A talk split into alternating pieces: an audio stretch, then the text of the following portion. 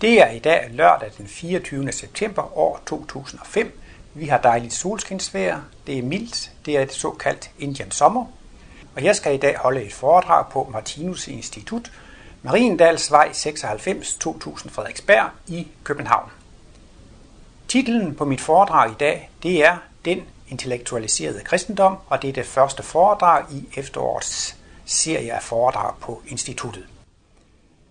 Martinus skrev de sidste 10 år af sit liv på en bog om det tredje testamente, og i december 2004 blev så endelig langt om længe Martinus' manuskripter til bogen Det tredje testamente udgivet under titlen Den intellektualiserede kristendom, Ja, jeg vil gerne byde velkommen til den nye foredragssæson her i efteråret. Jeg synes jo, det er dejligt at holde foredrag på sådan en dejlig sommerdag. Jeg plejer altid at synes, jeg skal hen og holde foredrag i vinterkulden eller i vintermørke, når jeg skal hen på instituttet. Så det er jo dejligt til en afveksling. Når jeg har valgt at begynde med et foredrag, som hedder Den intellektualiserede kristendom, så er det fordi, at øh, sidste år, i december måned 2004, blev der udgivet en bog med titlen Det tredje testamente, den intellektualiserede kristendom, og nedenunder står der efterladte manuskripter. Så Martinus han efterlod sig altså nogle manuskripter, da han gik bort i 1981. Og så har det altså af mærkelige grunde varet 23 år, før man har fået udgivet disse efterladte manuskripter. Når det har taget så lang tid, er det jo blandt andet fordi, at de ikke var færdigredigeret, det ikke var helt færdigskrevet fra Martinus hånd. Men det er jo meget interessant, at han betegner hele sit værk som den intellektualiserede kristendom. Kristendommen, det er jo øh, på en måde en totrinsraket. Jesus han kom jo for 2000 år siden og viste det den fuldkommende væremåde. Martinus mener, at det, der var det centrale, det var, at Jesus skulle vise den rigtige væremåde, den fuldkommende væremåde. Han skulle vise vejen. Han skulle være et eksempel eller en ledestjerne for, for, for, for menneskene. Men i virkeligheden var det så stort et projekt, det blev indviet med, med Jesu besøg her på jorden, at det var et projekt, som ville tage 5.000 år. Og det er jo meget svært at undervise menneskene en gang for alle, så det er nok til at inspirere dem i 5.000 år fremover. Det er altså lidt sådan, man kan jo ikke bare tage børnene i børnehaveklassen og sige, nu skal jeg lige lære dig, hvad du skal lære de næste 20 år så er det bedre at få det bidt lidt over i, i stykker, så man har noget af det underskolen og mellemskolen og realskolen og gymnasiet og universitetet. Det er jo rart nok sådan at få undervisningen delt lidt ud. Og der kan man så sige, altså, at øh, kristendommen den er blevet delt i, i hvert fald i to perioder. Og Jesus han sagde jo selv, at det ikke var færdigt, fordi han, han understregede jo netop i Johannes evangeliet, at jeg har meget mere at fortælle jer, men I kan ikke bære det. Men jeg skal sende jer talsmand, den hellige ånd, og det har Martinus jo tit refereret til, og der kan man så spørge sig, hvad er talsmand den hellige ånd? Ja, så tænker man jo ikke just på en person, når man siger ånd. Og ånd er det ikke det samme som bevidsthed og viden. Så Martinus mener altså, at det der skulle komme, det var, at der skulle komme en, en bevidsthed, der skulle komme en viden, der skulle komme en åndsvidenskab. Så for Martinus, så er den hellige ånd altså åndsvidenskaben. Der er måske også mange, der tror, at Martinus er meget kritisk over for naturvidenskaben. Men han siger faktisk om naturvidenskaben, at de er jo også sandhedssøgere, og de dokumenterer kendskærninger. Så den, den naturvidenskab, vi kender i dag, siger han, det er den hellige ånd i fostertilstand. Men det vil de nok helst ikke have, at man kalder den, hvis de hørte det inde på universitetet der, at det er den hellige ånd i fostertilstand. Det er så netop det, at den logik og videnskab, man opøver på, på de fysiske områder skal man så også senere anvende på livets område, på det religiøse område, på det filosofiske område, på, på det personlige område. Så Martinus ser altså sit arbejde faktisk som en videreførelse af kristendommen. Og øh, Martinus han øh, øh, følte sig jo hele livet, allerede som barn, tæt knyttet til Jesus, og han har måske også været øh, meget indstillet på, på på, på kristendommen og på at retfærdiggøre Jesus hele sit liv. Men altså, det er faktisk først 10 år før sin bortgang, altså i sommeren 1971, da Martinus altså var 80 år gammel, der fik han altså, hvad han kalder en kosmisk impuls. Altså han fik sådan en åndelig indgivelse, en kosmisk impuls, om at han skulle gå i gang med at skrive en bog, som skulle hedde Det tredje testamente.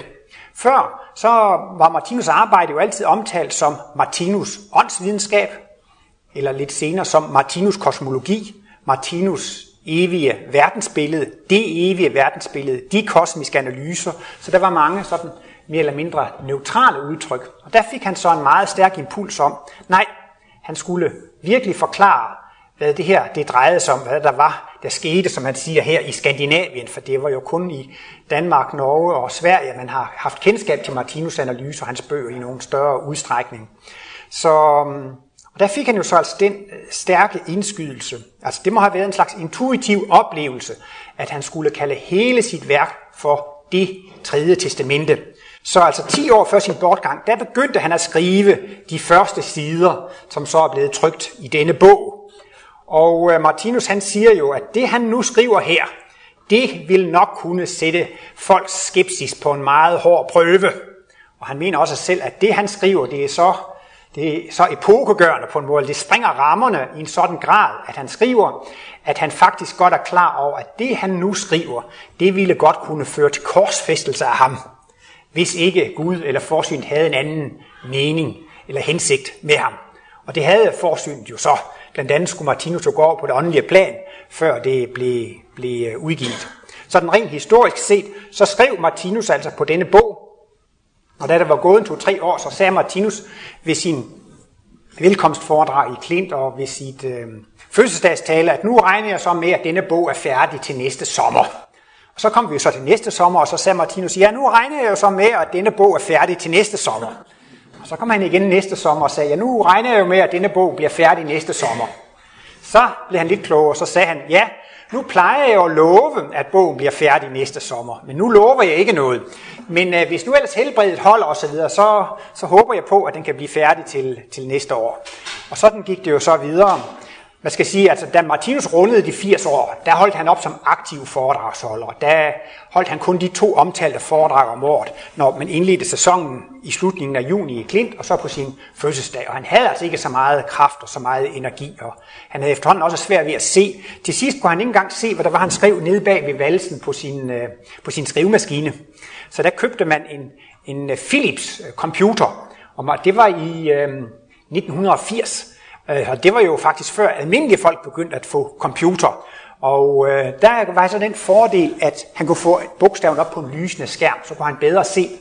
Skridtet før han fik den lysende skærm, det var, at han fik sådan et kuglehoved, som kun kunne skrive med store bogstaver. Så kunne han bedre læse det.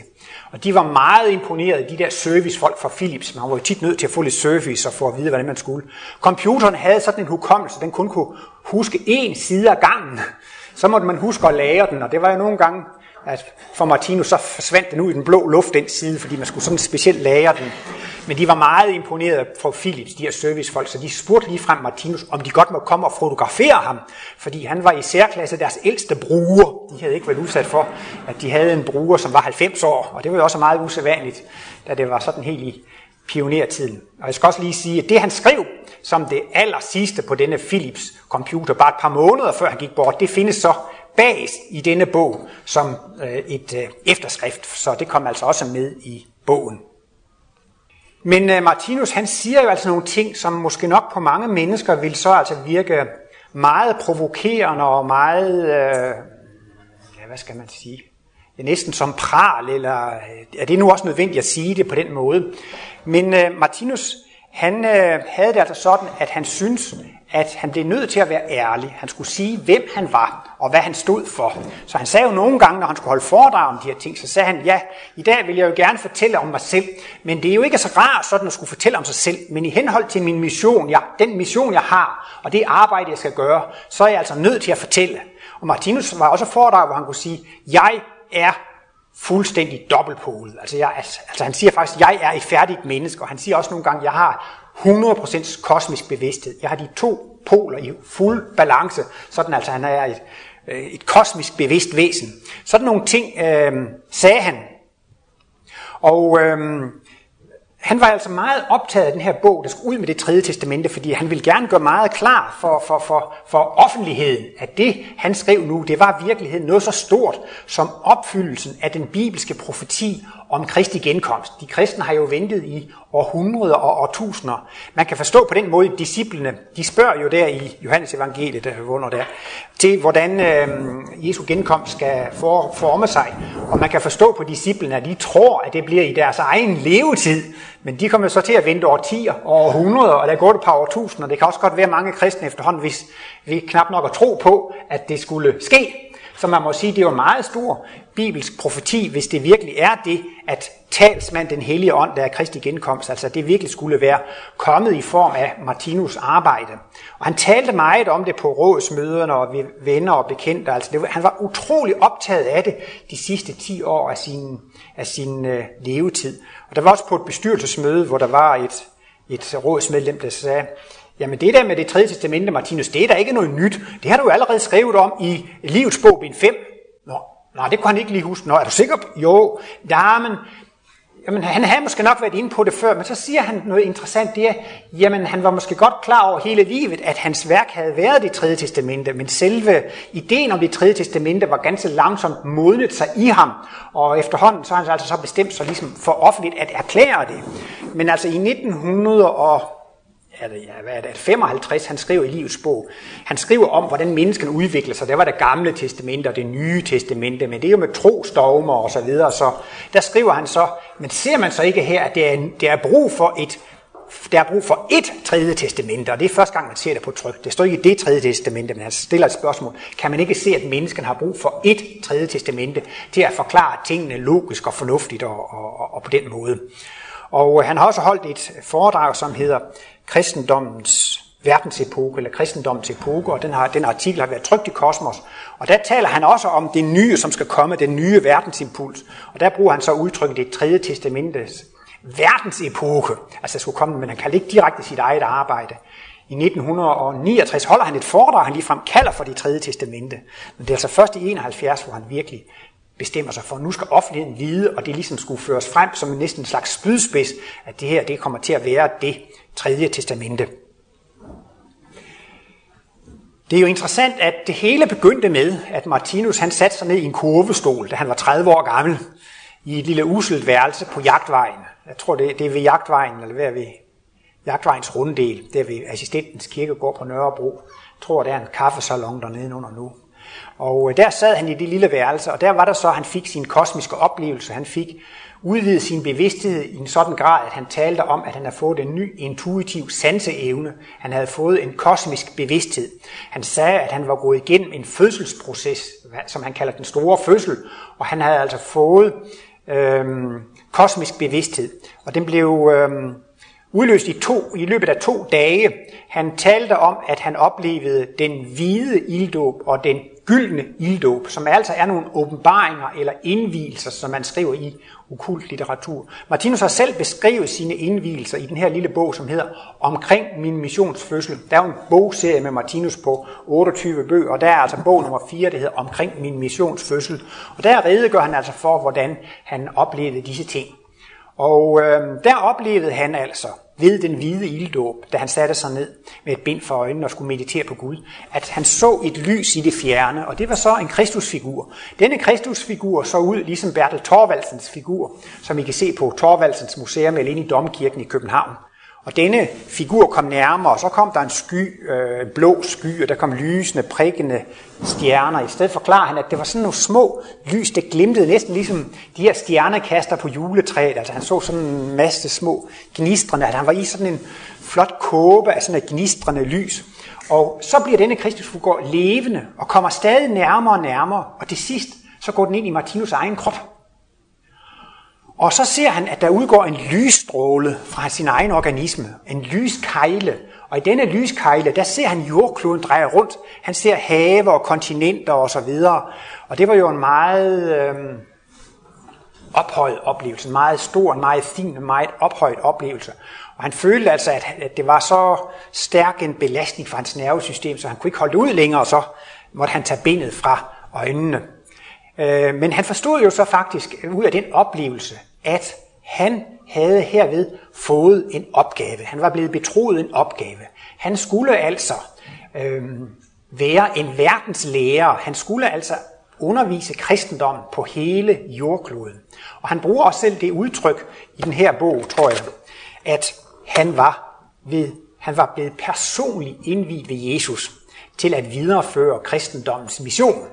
Og han oplevede det altså på den måde, at det lys, der nu kom fra ham selv, eller fra Kristusfiguren, ikke sandt? At jordkloden drejede rundt i dette lys, så det er jo virkelig et stort symbol på, at han skulle blive en verdens lærer. Og øh, han siger jo altså også i bogen, Den intellektualiserede kristendom, at han af Gud var udvalgt til at udføre denne opgave. Så man må jo virkelig sige, at det er store og stærke ord, når Martinus ligefrem siger, at han var personligt indviet ved Jesus og er Gud udvalgt til at føre kristendommen frem til sin endelige sejr. At han var udvalgt til at føre kristendommen frem til sin fuldkommengørelse. Man kan jo godt forstå, at Martinus var lidt spændt på at udgive sådan en bog og se, hvordan offentligheden ville komme til at reagere på det. Men øh, nu springer jeg lige frem igen. Offentligheden reagerede egentlig ikke så særlig kraftigt på det. Men Martinus var altså meget opsat på at, så at sige, få søsat denne titel, det tredje testamente. Og han skrev, og han skrev på den her bog, og to år før sin bortgang, så skiftede han plan. Så opgav han at gøre denne præsentationsbog færdig. Det er det, jeg for mig selv kalder plan A. Så gik han over til plan B. Og det var, at nu ville han udgive livets bog igen. Livets bog havde tidligere været udgivet på et privat forlag, men så skulle det udgives på et offentligt forlag. Og det, det havde Jarl, Jarl Borgen fra Borgens forlag selv meldt sig, han gerne ville udgive den bog. Og så skulle Livets bog udgives med den nye overtitel, Det tredje testamente livets bog. Og så ville Martinus så skrive en forklaring til, hvorfor han havde kaldt denne bog for det tredje testamente. Og så skriver Martinus jo så et par år på denne indledning og på denne prolog. Folk, som havde livets bog i forvejen, de skulle så kunne købe den her prolog separat, øh, så de ligesom også fik den, fordi den skulle høre med til livets bog, og de, der købte livets bog på ny, fik altså den her prolog sat ind som det allerførste i denne bog, så man kunne forklare det. Men øh, Martinus blev heller ikke færdig med den plan B, før han gik over til plan C. Og det var, at han ville i hvert fald have nyt omslag på. Der skulle være de her to symboler med, vi kalder dem lyset og mørke, det er ikke sandt, det menneskelige princip og det dyriske princip. Det ville han have på forsiden af bogen, og derfor gik han så i gang med plan C, og det var at skrive symbolforklaring til disse to symboler. Og det var det, han skrev på, da han havde sin Philips computer. Det var det aller sidste, han, han skrev på. Denne plan C blev han heller ikke færdig med. Og så var det jo så den, øh, den 5. marts, det kan jeg nemlig huske, det er min fødselsdag, der brækkede han benet. Det er selvfølgelig ikke så godt måske, at det lige var på min fødselsdag, men omvendt kan man sige, så var missionen færdig. Så skulle han ikke skrive mere, men så blev han altså indlagt på Frederiksberg sygehus, og med et lårbensbrud, hans tilstand var sådan, at han var så svag, at man ville ikke operere ham. Og så tre dage senere, den 8. marts, på kvindernes internationale dag, så gik Martinus over på det åndelige plan. Og øh, det sidste, han gav udtryk for, før han gik bort, det var, at det, han havde skrevet på til livets bog, det skulle ikke med. Så det var ligesom den besked, rådet fik fra en besøgende, altså at det, det sidste Martinus havde skrevet på, det skulle ikke med i livets bog. Så det endte med, at livets bog blev genudgivet præcis som den var før, blot med den forskel, at nu stod der det tredje testamente til overskrift. Og så på hver anden, på, på, på hver anden side derude til højre stod der så også det tredje testamente. Men det vil sige, at offentligheden fik ingen forklaring på, hvorfor det hed det tredje testamente. Og derfor kom der jo heller ikke noget ramaskrig. Og i mellemtiden så har man åbenbart vendt sig til den der titel, det tredje testamente, og nu er der gået 23 år siden. Og jeg mener ikke, der har været nogen aviser eller nogen som helst blade, som løftede øjenbrynet af, at den her bog kom, det tredje testamente, den intellektualiserede kristendom. Jeg tror ikke, den blev anmeldt i nogle af de store aviser. Eller sådan noget. Det var ingen, der tog notits af det. Jeg har også hørt, hvis man nu går ind på internettet i dag og søger under det tredje testamente, The Third Testament, der er tredje testament, så er der vist 25 af det tredje testamente, så der er mange, der har taget det på repertoireet. Så i dag så løfter man åbenbart ikke på øjenbrynet af, at der er nogen, der kalder deres værk. Så det kan være fremover, man skal til at sige Martinus, det tredje testamente, for ikke at forveksle det med de andre. Øh, men Martinus, han øh, blev jo også spurgt, om øh, han var interesseret i, at man skulle sørge for at tage patent på navnet i det tredje testamente, eller ligesom få rettighederne på navnet. Nej, det synes Martinus nu ikke var nødvendigt. Men hvis det var andre, der ligesom havde gjort det, så ville han selvfølgelig være ked af, hvis han ikke kunne kalde sit værk for det tredje testamente. Men at, hvis, men at andre ville kalde deres værk for det tredje testamente, det tog han helt roligt. Det var han næsten ligeglad med, fordi han siger, det vil fremtiden jo vise. Det er jo klart, hvis man taler om, at det er et gammelt testament og et nyt testamente, det vil de kommende århundreder eller de kommende årtusinder vise hvad for en, at en af de her 25 det tredje testamenter, som virkelig er Bibelens forsættelse, som virkelig er, så at sige, det rigtige tredje testamente. Så der kom jo altså ikke den der helt store, den helt store reaktion på, at øh, det tredje testamente kom ud. Men hvis man nu tager plan A plus plan B plus plan C, så bliver det næsten en, en færdig bog. Jeg skal sige, at altså, den her bog, det er altså ikke en helt færdig bog, og det forstår der også efterladte manuskripter. Og han havde på et tidspunkt forestillet sig, at det skulle laves sådan, at først skulle han forklare, hvad det tredje testamente drejede sig om, og bagefter skulle han forklare verdensbilledet. Og der, hvor han holder op, der er han godt i gang med at forklare verdensbilledet. Men det har han jo allerede forklaret godt i alle de andre bøger, så det var som ingen grund til, at han skulle fortsætte med at, at forklare det. Martinus har også været inde på, at han gerne ville forsvare eller retfærdiggøre Jesus. Martinus kan selvfølgelig godt forstå, at det her med fagforeninger, det er nødvendigt på visse udviklingstrin. Men inden for instituttets samarbejde, der vil han helst ikke have, at det skulle være noget, man, man gik i strejk, og så bliver man sur, og hvis ikke det ikke bliver, ikke får min vilje, så vil jeg ikke arbejde og sådan noget. Det synes Martinus, det hører ikke med i det her samarbejde inden for sagen. Han siger, hvis man er sur og utilfreds, så er man velkommen til at gå. Vi skal jo gerne arbejde med kærlighed her, og hvis man er glad og begejstret for det, så er man velkommen til at være med. Og så længe man er glad og begejstret, så er man på bølgelængde med det. Men bliver man sur og vred, jamen så er man jo i disharmoni med det, og så er det jo bedst, at man går. Så han var ikke inde på, at man skulle bruge afpresning og fagforeningspolitik. Men øh, det er det, jeg siger, Martinus, han var måske alligevel lidt fagforeningsmand øh, fordi at han netop vil retfærdiggøre Jesus, dette guddommelige sendebud. For Martinus er jo netop også selv et guddommeligt sendebud, som har dette. Så derfor er Jesus jo tit blevet misforstået, fordi at det er skrevet så lidt i Bibelen, og det er ikke øh, tolket så klart, hvad der var, Jesus sagde. Hvis I vil læse lidt om det, så kan I læse om det i Livs bog, bind 3, stykke 926. Ja, det, er, det er ikke så svært at huske 9, 18, 27, det er, det er 9-tabellen, ikke 9, 18, 27, men det er 9, 26, så det er ikke helt nemt at huske, men altså næsten nemt at huske. Så i stykke 9, 26, der står der altså om, at Martinus har følt det som en opgave at retfærdiggøre Jesus dette guddommelige sendebud. Han vil gerne ligesom retfærdiggøre kollegaen. Fordi at det er jo ikke forklaret. Jeg tror også, at mødt så mange, der er interesseret i Martinus kosmologi, som aldrig har været interesseret i Bibelen. Men efter at de kan få Martinus forklaring af, hvad den dybere mening er med det, der står i Bibelen, så er faktisk mange blevet interesseret i det, fordi man kan få en, en dybere forklaring af, af meningen med det. Så Martinus siger også lige frem nogle gange, ja Gud er jo heller ikke særlig populær lige for tiden. Han er jo også meget udskældt, og Jesus er heller ikke så populær. Så Martinus syntes lige frem, at det var hans opgave eller hans mission at forsvare Jesus og at forsvare Gud. Så det drejer sig altså om at retfærdiggøre det. Men han gør gældende, at han kunne have skrevet hele sit værk han kunne have skrevet det hele uden at referere til Bibelen, for med sin kosmiske bevidsthed kunne han sanse og opleve verdensaltets kosmiske struktur, verdensaltets kosmiske love, alt det her med spiralkredsløbet og mikro- og mellem- og makrokosmos og grundenergierne og den treenige struktur og det evige liv og så videre, det kunne han sagtens have skrevet uden at referere til det, men det hørte så altså med til hans, øh, til hans mission. Der er jo mange, der mener, at kristendommen det er altså en religion. Og øhm, der har Martinus en meget interessant udtalelse. Han siger, ja, kristendommen har godt nok været en religion, men det skal blive en videnskab. Kristendommen skal blive en verdensvidenskab. Alle mennesker på jorden skal blive kristne.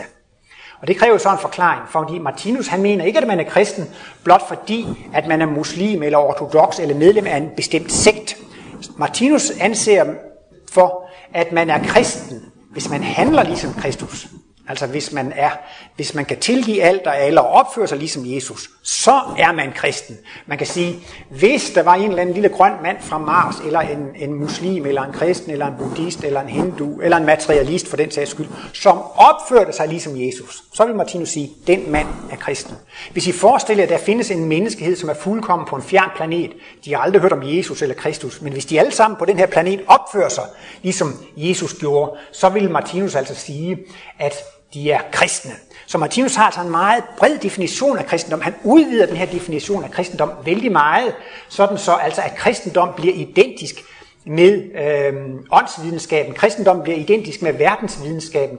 Det bliver identisk med den videnskab, der viser, at alt, hvad Jesus sagde, det var rigtigt, og, og, og, det, og det, var, det var kærligt.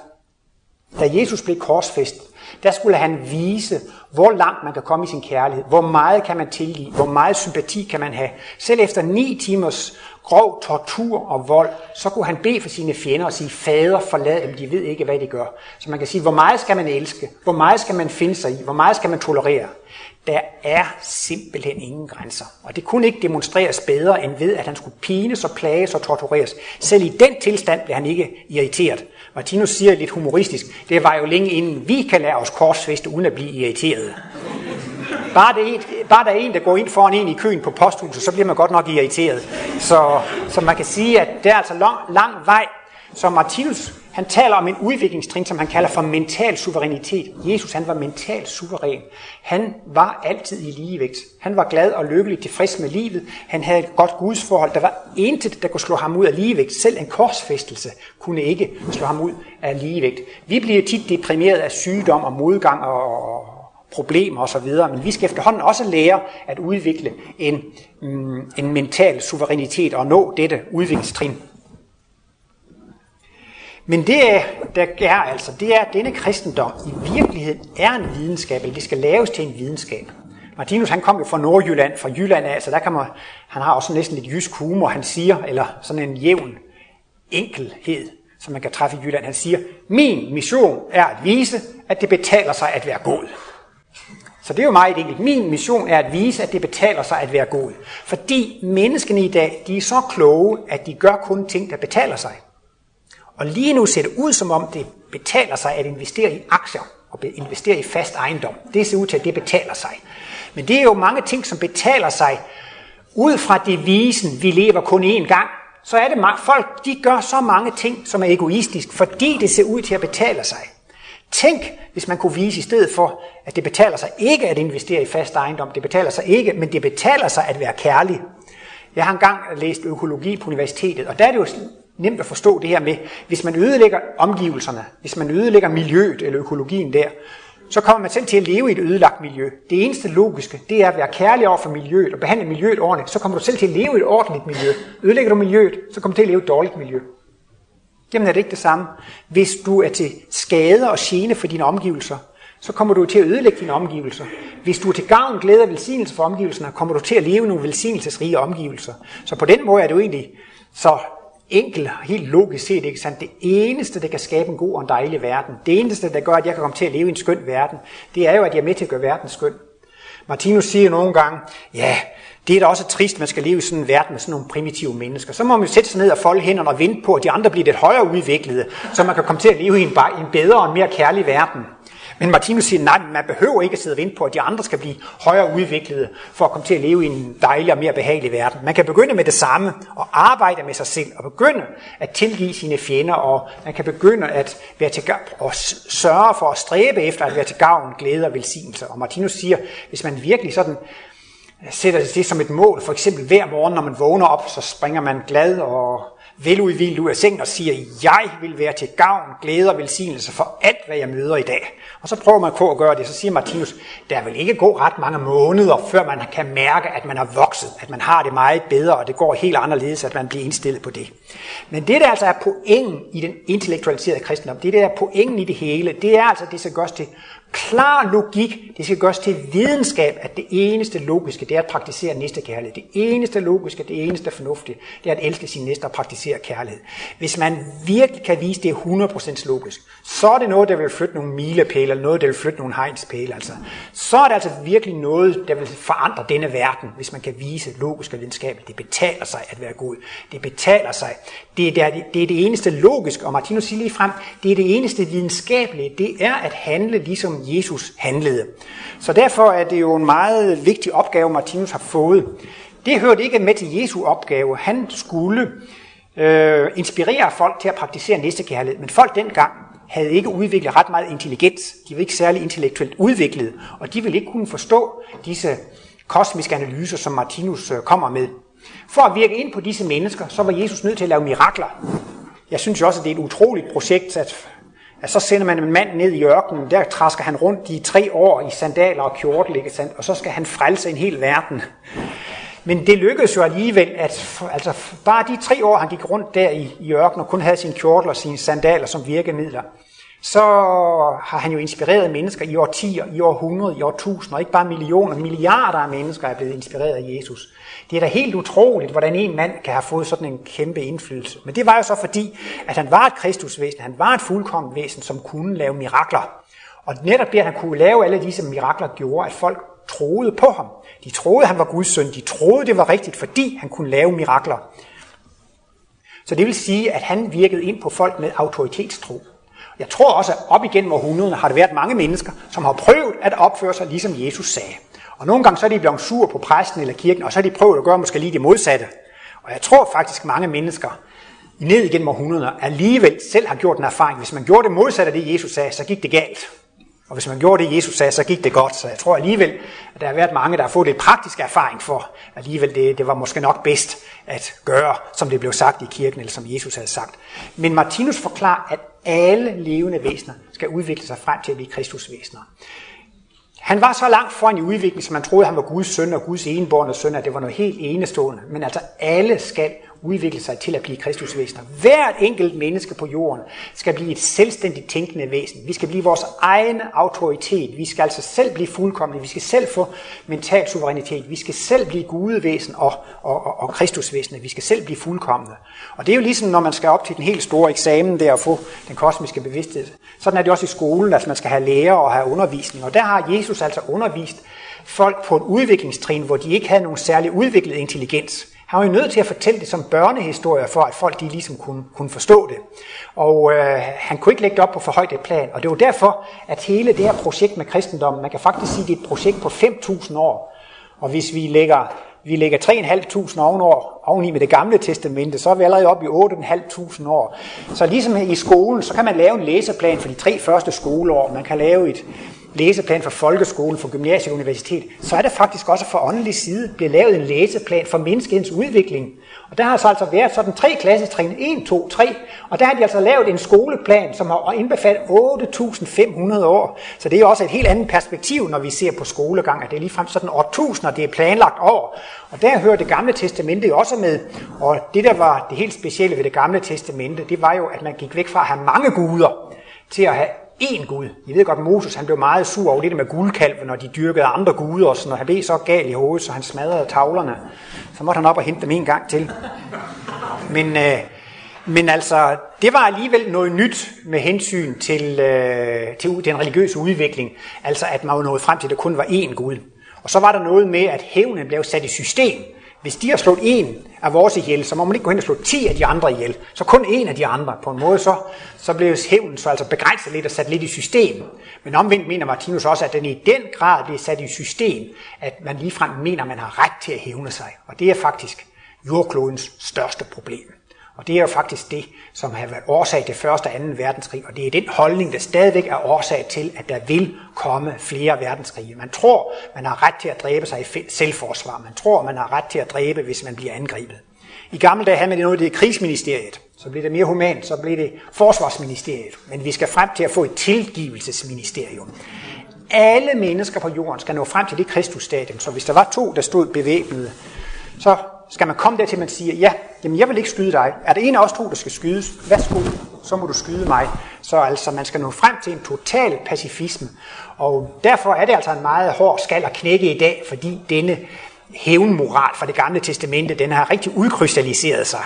Så forsvarstanken, som Martinus sagde så tit i sine foredrag med et gammeldags udtryk, forsvarstanken er menneskehedens største svøbe. Altså en svøbe, det er jo en pisk, altså forsvarstanke, det er menneskehedens største problem. Men øh, der vil så komme nogle krige, og takket være krigserfaringerne vil man så lære at tage afstand fra krigen. Så man skal ikke være så bange for krigen, den vil komme til at udrydde sig selv. Så det Martinus han skulle gøre, det var, at han skulle altså skabe en videnskab. Han skulle skabe en kærlighedsvidenskab. Han skulle altså lave kristendommen om til en videnskab. Og hvordan gør man det? Ja, han har et meget interessant udtryk. Han siger, når man kan se, at det går op i evigheden, så bliver det til videnskab. Altså, hvornår er kristendommen religion, og hvornår er kristendommen videnskab? Jeg synes, det er sådan en fantastisk klar måde, han siger det på. Altså til at begynde med, så har kristendommen virkelig været en verdensreligion. Man har troet på det, fordi det er sagt af en autoritet. Men man skal frem til selv at forstå det, selv at kunne indse det, og selv at kunne tænke det igennem, og se det rigtigt, og selv træffe den beslutning. Hvornår kan man se, at det er rigtigt, og det er logisk? Det kan man, når man kan se, at det hele går op i evigheden. Martinus har udtrykt om sine kosmiske analyser, alle mine analyser går op i evigheden, og han har også sagt, alle mine analyser går op i kærligheden. Martinus viser, at alt er såre godt. Han viser, at der er noget, som er særdeles ubehageligt og meget slemt. Men alt det slemme og det ubehagelige er i virkeligheden kærlighed i forklædning. Det er de nødvendige konsekvenser af vores egne fejltagelser. Og ved at føle smerten og lidelsen af ens egne fejltagelser, så lærer man, hvad man har gjort forkert. Den oplevede smerte og lidelse udvikler med lidenhed og medfølelse. Det er det samme som humanitet og kærlighed. Så altså det ubehagelige, frugterne af det ubehagelige, det er humanitet og kærlighed. Derfor er Martinus i sin gode ret til at kalde det ubehagelige for et gode. Og derfor siger han, at livsoplevelser kan deles i det behagelige og det ubehagelige. Eller det behagelige gode og det ubehagelige gode. Men eftersom begge er goder, så viser alle Martinus analyser, at alt er så godt. Jeg havde også engang en kæreste, hun, ja, det er da utroligt, som jeg springer i det, men altså, hun, øh, hun var ikke helt sikker på, at det var rigtigt, det Martinus sagde. Men øh, hun forstod alligevel så meget, som hun sagde, men selvom det ikke skulle være rigtigt, det han sagde, Martinus, så er det ikke for farligt. Så er det ikke så farligt, det han siger. Fordi han siger nemlig, at man skal elske sin næste. Og det siger Martinus også selv. Han har ikke skrevet en eneste analyse, som ikke inspirerer folk til at praktisere næstekærlighed, og være god og kærlig, og være til gavn og glæde, og velsignelse for alle levende væsener. Så skulle det være forkert, så går det nok ikke så galt endda. Men altså, det der er pointen i det hele, og det er måske et, et længere teoretisk foredrag, men det er altså det her med evigheden. Det er det eneste, der kan give en logisk forklaring. Jeg har lige her selv på det seneste været meget optaget af det her med udviklingen, og det her med Gud og Darwin, og der er jo sådan en udviklingsteori, hvor materialisterne mener, at udgangspunktet det er Big Bang, og så havde vi nogle døde helium- og brintatomer i den oprindelige gassky. Disse atomer er årsagen til den menneskelige bevidsthed. De er årsagen til den menneskelige organisme. Altså de mener meget bogstaveligt, at den fysiske materie er årsagen til liv. Det er årsagen til bevidsthed. Og det mener Martinus jo. Det er jo helt at vende tingene på hovedet. Det er jo bevidstheden, der bruger materien. Han ser lige frem den fysiske verden som udkrystalliserede tanker. Han ser lige frem al materie. Det er jo tankematerie. Vi er jo levende væsener, som kan handle og skabe. Nogle gange tager det år, år eller årtier eller århundreder og 1000 og, sætte det ud, men i virkeligheden skulle man snarere se materien som et materiale for tanken. Og vi kan jo se huset her, det er jo menneskets tanker, der har materialiseret sig i døre og vinduer osv. Men så er det jo makrokosmiske væseners tanker, som har materialiseret sig i jordkloden. Og vi har selv været med til at materialisere vores organer og vores celler osv. Så, så i virkeligheden er al materie bare en tjener for tanken, hvorimod de i materialismen vender det fuldstændig rundt. Men de siger jo også selv, alt er baseret på tilfældigheder. Så man må simpelthen sige, at konklusionen af det materialistiske livssyn, af det naturvidenskabelige livssyn, det er, at alt er styret af tilfældigheder. Og derfor er livet meningsløst. Det er ikke sådan, at man i naturvidenskaben taler om, at livet har en mening. Det gør man ikke. Så er man jo ved at have Gud inde på banen. Så det er i allerhøjeste grad, synes jeg, ulogisk. Men i virkeligheden er det heller ikke særlig logisk, det med, at Gud har skabt mennesket og aberne og dyrene færdigt på én gang. Der er også nogle kristne biologer, som leder efter tegn i biologien på, at Gud har haft en finger med i spil i planlægningen. Og det, jeg synes, de har gjort et godt arbejde. Men de tror jo ikke på, at mennesker har udviklet sig fra aberne. Og hvis man nu forestillede sig, at der for 6-7.000 år siden, at Gud havde skabt mennesker og aberne og dyrene og så videre færdige, ikke sandt? Så kan man begynde at spørge sig, jamen hvorfor er det retfærdigt? Hvorfor skulle nogen blive sumpdyr? Hvorfor skulle nogen blive snylder? Hvorfor skulle nogen blive primitive dyr? Hvorfor skulle nogen blive aber? Hvorfor, nogen, hvorfor skulle nogen blive højt kulturelle mennesker? Det er da fuldstændig uretfærdigt. Hvem, hvordan har, hvis menneskene ikke har eksisteret før, hvordan er de så gjort sig fortjent til at blive mennesker? Og er det ikke også sådan, hvis du har set et eller andet sumpdyr eller en abe eller sådan noget, Jamen, du kan ikke udvikle dig videre. Du har bare at blive nede i primitiviteten. Martinus taler om, at så er Gud jo nærmest en sadist, hvis han ikke vil give disse primitive dyrearter og primitive mennesker nogle chancer for at udvikle sig.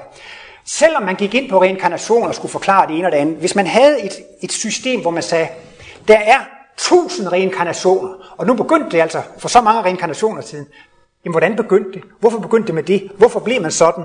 Hvordan kan det være? Og der er igen umuligt at give en logisk forklaring. Øhm, Martinus siger, at al livsoplevelse er baseret på sammenligninger med tidligere oplevelser.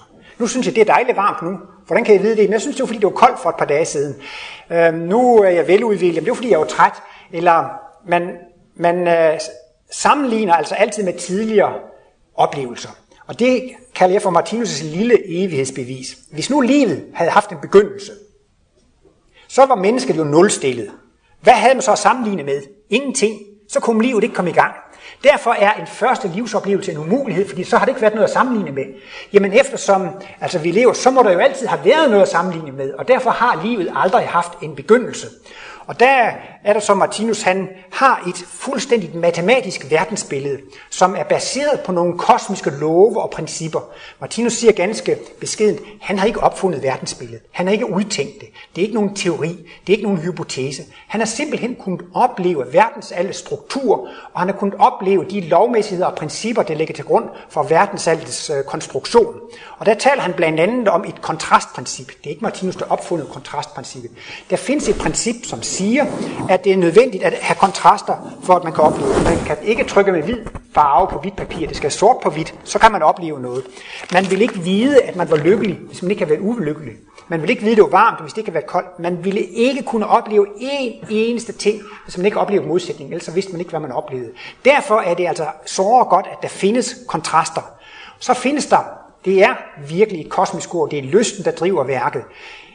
Mennesken har et urebegær, det har et begær efter at leve, og alle levende væsener har masser af sult, længsel og ønsker. Og det er den drivende kraft i alting. Men nu sulter og længes vi ikke efter det samme. Ja, der findes en lov for sult og mættelse, som gør, at alt det, man er midt af, det føler man, som om det ligger bagude, og det skyder man fra sig. Og alt det, man længes efter, det ligger forud, det, det ligger lyst, det længes man efter. Og det, man længes efter, opleves som lys, og det, man er midt af, det opleves som mørke. Og derfor er det altså sådan, at man kan længes i den grad efter en ting, og man kan få lov til at opleve det, og opleve det, og opleve det. Til sidst bliver det altså alt for meget. Man får lov til at opleve paradiset og evigheden og, og, og guddommeligheden. Og på, på, på engelsk taler man nogle gange om et blackout. Hvis man drikker for meget eller får et slag på hovedet, så sortner det. Så bliver det hele sort. Men der kan man altså sige, at Adam og Eva, de har simpelthen været for længe i paradiset. De fik et white-out. Fordi til sidst var der bare lys, lys, lys, lys. Og de var simpelthen mætte. De kom jo og spurgte og plagede Gud, om de ikke kunne få lov til at opleve noget nyt. Men den gamle tyran sagde, nej, det samme som i går. De kom og spurgte, kan vi ikke opleve noget nyt? Nej, det samme som i går. Stenhår.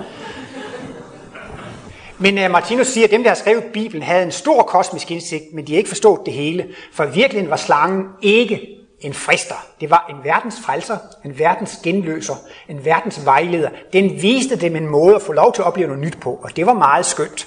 Og det, den vejledede dem til, det var, at der var en mulighed, man kunne få lov at leve livet i den fysiske verden. Der kunne man få lov til at være sig selv. Jeg er mig, jeg er min organisme, jeg vil have magt, jeg vil bestemme over de andre. Og der var en lang række ting der, som man virkelig kunne længes efter at opleve. Så for de væsener, som er ved at være med det, ligesom Adam og Eva, så er den fysiske verden et lys. Det, det længes de efter. Men vi mennesker, vi er trætte af det dræbende princip. Vi er mætte af dyreri, og vi længes efter fred, lykke, glæde, harmoni og kærlighed. Vi længes efter de åndelige verdener, vi længes efter den guddommelige verden. Men altså, om et noget af lys eller mørke for et væsen, det afhænger af det sult og det smittelses tilstand. Men derfor er det evige liv jo så vidunderligt. Alle normale ønsker, længsler og begær bliver opfyldte. Og øh, så er der altså, Martinus har så vist, at alt går i kredsløb, ligesom man har årets kredsløb og døgnets kredsløb. Så har man også jordlivets kredsløb, men så har man også noget, der spiralkredsløb, hvor man kan leve i milliarder år i en fysisk verden og milliarder år i en åndelig verden. Og det bliver sådan en ekspanderende kredsløb i spiraler, det bliver større og større. Vi har engang været atomer og molekyler. Så kom vi ind i den fysiske verden som celler, og næste gang vi kom ind i den fysiske verden, voksede vi til organer, og så voksede vi til en organisme, og vi skal blive kloder og solsystemer og galakser og galaksehober. Det er ligesom når man ruller en snemand om vinteren. Hver gang man har rullet en omgang, så lægger man et lag til sin vækst. Så det evige liv altså er en vidunderlig vækst. Det evige liv er en evig juleaften. Alle ønsker og alle længsler går i opfyldelse. Problemet er bare, at vi er ikke tålmodighed. Det skal være her og nu. Men altså, Martinus siger også, at vi får en vidunderlig ferie mellem to fysiske liv. Men vi har alligevel lyst til at komme tilbage til den fysiske verden, fordi der er nogle ønsker og længsler, som kun kan opfyldes i den fysiske verden. Uopfyldte ønsker, længsler og begær, det er de tynde tråde, som knytter det ene liv til det andet, og man gerne vil, vil, vil fortsætte. Men man, når man får evigheden ind i billedet, så kan man altså forstå, at for at kunne være et evigt levende væsen, så skal man i al evighed kunne opleve noget nyt. Og så må man også i al evighed have adgang til begge livets kontraster. Hvis det bliver et vist tidspunkt, så siger de, fra nu af, så er det paradis resten af evigheden. Fra nu af er det nirvana resten af evigheden. Så er det faktisk en dødsdom. Du er dømt til et white-out.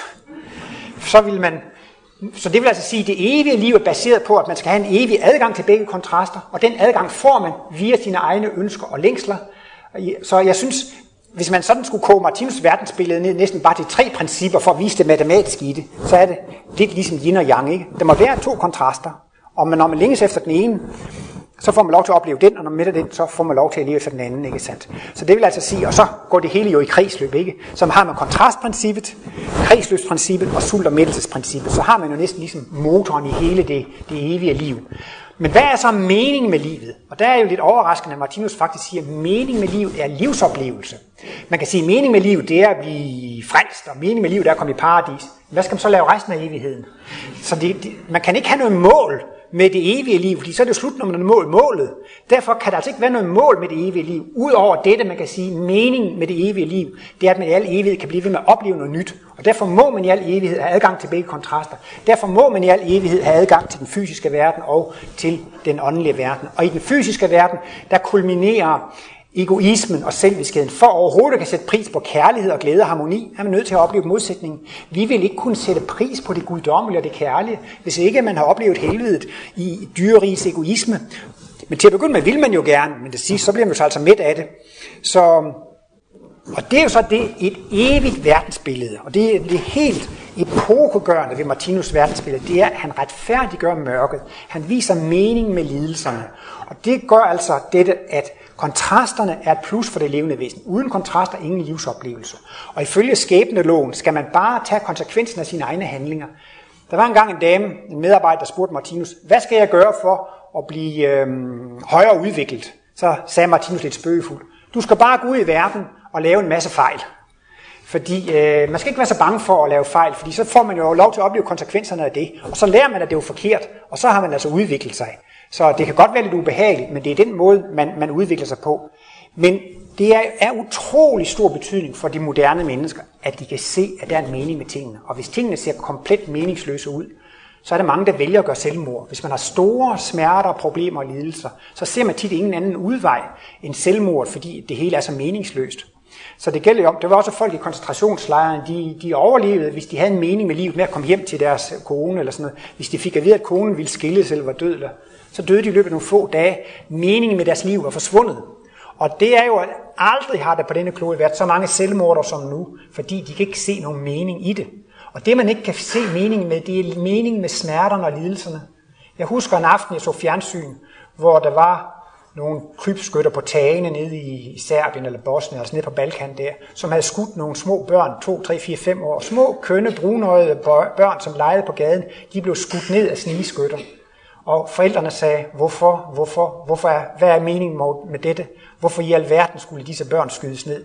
Man kan selvfølgelig sige, at de snigeskytter bliver måske selv skudt ned, når de i næste inkarnation bliver børn og skal lære noget af det, og forældrene skulle måske også lære noget af det. Men Martinus mener altså, at fremover i de kommende århundreder vil der komme et enormt behov, en enorm efterspørgsel på mening med mørket, mening med lidelserne. Og der er det, Martinus siger, men her har vi jo forklaring på det, og derfor vil det blive.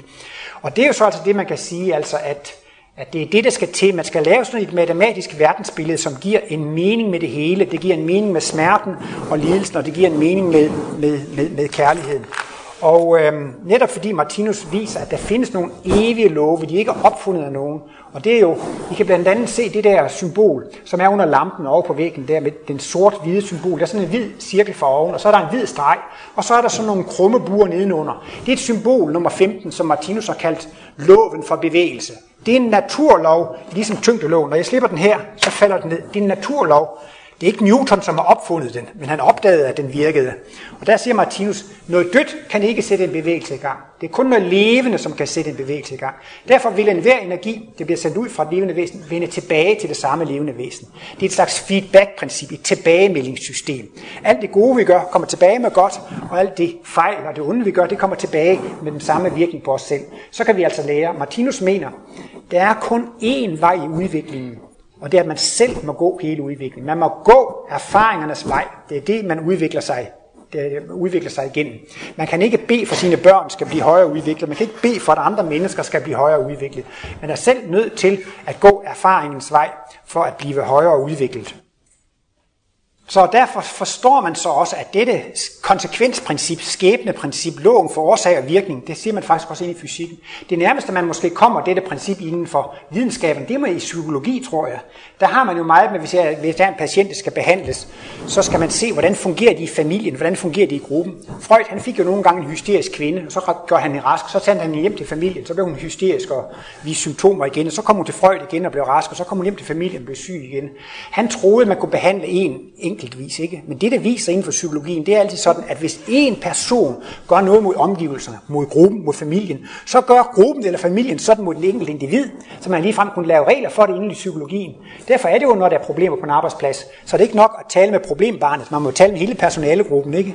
Men det er, synes jeg, det tætteste, man kommer på karmaloven inden for psykologien. Når et individ i en gruppe gør sådan mod gruppen, så reagerer gruppen sådan mod individet.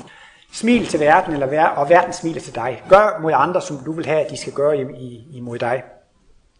Så derved kan man altså få et helt andet livssyn, og det er jo så også det, der gør, at det slet ikke kan betale sig at være, være, være, være imod andre levende væsener. Man kan sige altså, at hvis man forfølger og slår og bagtaler imod andre mennesker, så slår man faktisk sig selv. Altså det er jo, jeg, jeg har selv store altså jeg kan meget nemt blive irriteret på andre mennesker, sådan, så jeg er ikke nogen helgen. Men jeg synes, det er det enkleste i det her verdensbillede, at man skal høste, som man har så. Det, man sender ud, kommer tilbage. Men hver gang man bliver irriteret, så har man ikke forstået det. Eller så har man i hvert fald, i hvert fald glemt at tænke på det. Men så enkelt er det altså. Alt det, man sender ud, det kommer tilbage til en selv. Så hvis man er i krig med andre, så er man i krig med sig selv. Det er fuldstændig åndssvagt. Hvis man slår på andre, så slår man på sig selv. Det er helt tumpet. Og, og så er det så også, at Martinus har jo så også et kosmisk gudsbegreb, som jo virkelig også, synes jeg, sætter trumf på det hele. Han viser, at der er et princip i livet, at alle levende væsener er opbygget af levende væsener, der er opbygget af levende væsener, der er opbygget af levende væsener. Vi er opbygget af levende organer. Det er individuelle levende væsener, som er opbygget af levende celler, som er opbygget af levende molekyler, som er opbygget af levende atomer, som er opbygget af levende elementarpartikler, elektroner. Og han siger, selv nede på en lille elektron kan der godt være en menneskehed, hvor der er mennesker og dyr osv. Det fortsætter i det uendelige ned i mikrokosmos. Planeter, solsystemer, galakser, galaksehobe, det er levende væsener inde i levende væsener. Og til sidst så kommer man altså til, når man tager summen af det hele, så får man et eneste levende væsen. Det er et helhedsvæsen, men det er også et enhedsvæsen. Hvis man nu for eksempel tager helheden af det kristne billede, der har vi jo en Gud og en djævel, de er oppe og slås med hinanden.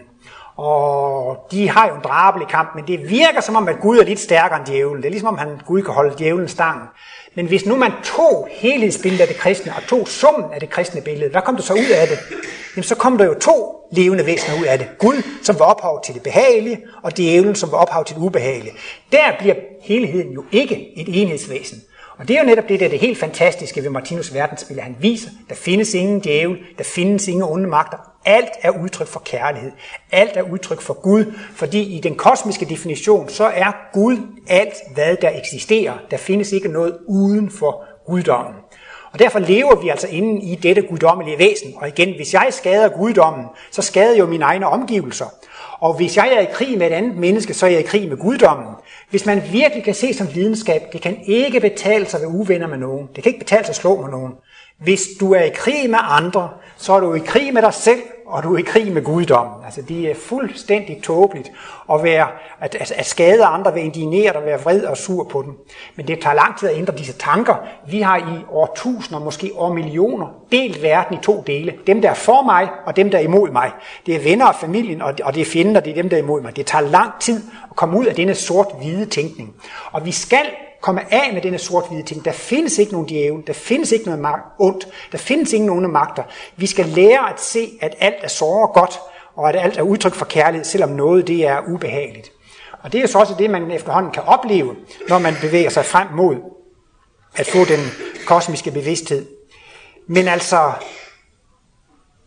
det, det drejer sig om, det er altså, at denne kristne væremåde skal gøres til videnskab. Altså det skal gøres til 100% logik. Alt, hvad Jesus sagde, det var rigtigt. Og alt, hvad Jesus sagde, det var altså fornuftigt og logisk og 100% videnskabeligt. Inden for filosofien taler man jo nogle gange om, at man har en arbejdsmetode. Man stiller en hypotese op. Gud er død, for eksempel, siger Nietzsche. Og så har de de og de her konsekvenser. Eller man siger, materien er ophavet til alting, og så har de de og de konsekvenser. Og der er det, jeg vil sige, hvis man, hvis man nu man skulle karakterisere Martinus ud fra sådan en filosofisk arbejdsmetode, så kunne man sige, hvis man går ud fra som hypotese, livet er evigt, og det synes jeg er det mest logiske. Jeg har studeret fysik, der siger man, summen af energi er konstant. Man kan ikke lave energi af ingenting. Så var, så var energiproblemet løst. Man siger på engelsk, we've got plenty of nothing, så kunne vi jo lave en masse energi ud af ingenting. Men altså, summen af energi er konstant. Det er videnskab at antage, at summen af energi er konstant. Der kan ikke komme energi ud af ingenting, og energi kan ikke blive til ingenting. Jeg synes, det er lige så videnskabeligt at sige, der findes et fænomen, som hedder liv. Der findes et fænomen, som hedder bevidsthed. Det har altid været der, og det kan aldrig forsvinde. Og den opgave har naturvidenskaben stadigvæk ikke løst. Hvordan bliver bevidstløse molekyler til molekyler med bevidsthed? Hvordan bliver den døde materie til materie i bevidsthed? De har ikke løst den opgave, og jeg mener aldrig, det vil lykkes. Det er lige så svært at forklare, hvordan fænomenet liv er opstået, som det er at forklare, at energi kan opstå ingenting. Det er altså faktisk, synes jeg, det mest videnskabelige udgangspunkt, man kan have. Summen af energi er konstant, summen af liv er konstant. Hvis man har det som udgangspunkt, at livet er evigt, så mener jeg, at man kan vise med Martinus analyse, at konsekvensen er, at alt er logisk, alt er kærligt og alt er retfærdigt. Hvis I har en skabelsesberetning, der begyndte for 6.000 år siden, hvis I har en reinkarnationslærer, der begyndte for 10.000 år siden, hvis I har en lære, der begyndte for 15 milliarder år siden med Big Bang, det er ligegyldigt. En hver, hvert verdensbillede, som har en begyndelse, så kan man brokse over begyndelsestilstanden. Hvorfor skulle det begynde sådan? Og det er, der jo, det, det er ulogisk, det, det, det kan jeg ikke finde mig i. Så jeg mener, en hvert, et hvert verdensbillede, som har et univers begyndelse eller livs begyndelse, det er ulogisk, og det vil, når det bliver trævlet op, vise sig at være ulogisk, uretfærdigt og ukærligt. Det eneste, der kan vise, at livet er, er, er logisk og kærligt og retfærdigt, det er altså, at man har et evigt liv. Der er ikke noget at brokse over. Som sagt, man kan brokse over begyndelsestilstandene, men man kan, har, der er ingen, der har noget at brokse over. Det har de aldrig haft i al evighed. I al evighed har vi haft en fortid, og der har ikke været noget at brokse over, for man kan bare referere til sin egen evige fortid. Du har selv været udenom det. Jamen hvad så dengang der? Jamen der har du også selv været udenom det. Hvad så dengang? Jamen det er bare endnu tidligere. Så derfor synes jeg, det er så interessant, at Martinus' intellektualiserede kristendom viser simpelthen et, et matematisk verdensbillede, hvor alt går op i evigheden. Altså alle Martinus analyser bliver logiske, retfærdige og kærlige, fordi de er baseret på betingelserne for et evigt liv og for en evig livsoplevelse. Og igen viser Martinus også, at alt er så godt. Han siger selv, vi kan jo se, at der har været mange verdensbilleder ned igennem historiens forløb. Det ene verdensbillede afløser det andet. Men man kan dog også se, at det ene verdensbillede efter det andet, de bliver dog mere logiske og mere intellektuelle osv. Han siger, vi kan jo se, at den evige sandhed gradvist bliver afsløret. Der bliver taget det ene slør efter det andet væk. Men hvor længe skal man blive ved med at afsløre sandheden? Hvornår findes der ikke flere slør for sandheden? Hvornår er man kommet til bunds og har oplevet den absolute sandhed om livet. Ja, siger Martinus, den dag man selv ved egne sanser kan opleve, at alt er så og godt, så er man altså kommet til vejs ende. Så har man altså fået en selvoplevet oplevelse af øh, sandheden. Og der er det så, Martinus siger, at før man kommer til den selvoplevede sandhed, før man kommer til ved selvoplevelse, at kassere alt er så godt, så kan man få en teoretisk forståelse af det. Der findes i Danmark mange humane og kærlige mennesker. De kan ikke gå i kirke, de kan ikke tro på noget, og de har ikke selv intuition, de kan ikke selv få kosmiske glimt, de kan ikke selv få kosmiske oplevelser. Men så er det, de kan få hjælp af Martinus, som havde en kosmisk bevidsthed. Andre mennesker kan få kosmiske oplysninger, takket være Martinus' værk. Takket være hans værk, det tredje testamente, den intellektualiserede kristendom, takket være Martinus kosmologi, verdenslære eller åndsvidenskab, så kan mennesker få kosmiske oplysninger, og de er forklaret på en logisk og en videnskabelig måde, så folk kan altså prøve at teste hans analyser, og man kan teste dem med sit daglige liv. Martinus mener, at man bør virkelig være meget skeptisk og meget kritisk over for alle hans analyser, og holde alle analyser op imod ens egne selvoplevelser. Livets bog er ikke noget, man skal tro på. Kosmologien er ikke noget, man skal tro på. Det er en hjælp til selvstændig tænkning. Det er en hjælp til, at folk selv kan se, hvor de kan se sandheden i livet. Så altså, det, det, mange tror, det er en sekt, og det er noget, man skal tro på. Men tværtimod, man skal netop ikke tro på Martinus. Det er en lærebog, det er et hjælpemiddel friheden til selv at lære at forstå livet. Og der taler Martinus om, at man kan faktisk få teoretisk kosmisk bevidsthed. Når man studerer hans analyser, kan man se, at det er fuldstændig logisk, at alt er så godt. Og så er det jo så efterhånden, som han siger, at de analyser har ikke så stor værdi, hvis man ikke prøver på at leve dem i praksis. Og efterhånden, så begynder man jo at træne og omsætte de her analyser i praksis. Man er kærlig over for mennesker, man er kærlig over for dyr, man er kærlig over for sine mikrovæsener, og man prøver på at leve et godt og et kærligt liv. Så efterhånden bliver man mere og mere human, og så begynder man at blive modtagelig for kosmiske glimt, hvor man i et kort glimt kan opleve Guds bevidsthed. Man kan opleve, at man er udødelig. Man kan opleve, at man er evig. Man kan opleve, at det, man før troede var ondt, i virkeligheden er kærligt. Man kan opleve, at der er liv i mikrokosmos, at der er liv i makrokosmos. Og altså, at man kan opleve, at man er et med alle levende væsener. Og det er jo så altså den største og mest ophøjede oplevelse, man kan få. Det er at få lov til at få en kosmisk oplevelse, hvor man kan opleve, at man er et med kærligheden, at man er et med Guds væsen, at man er et med Guds bevidsthed, og man kan opleve, at alt er så godt.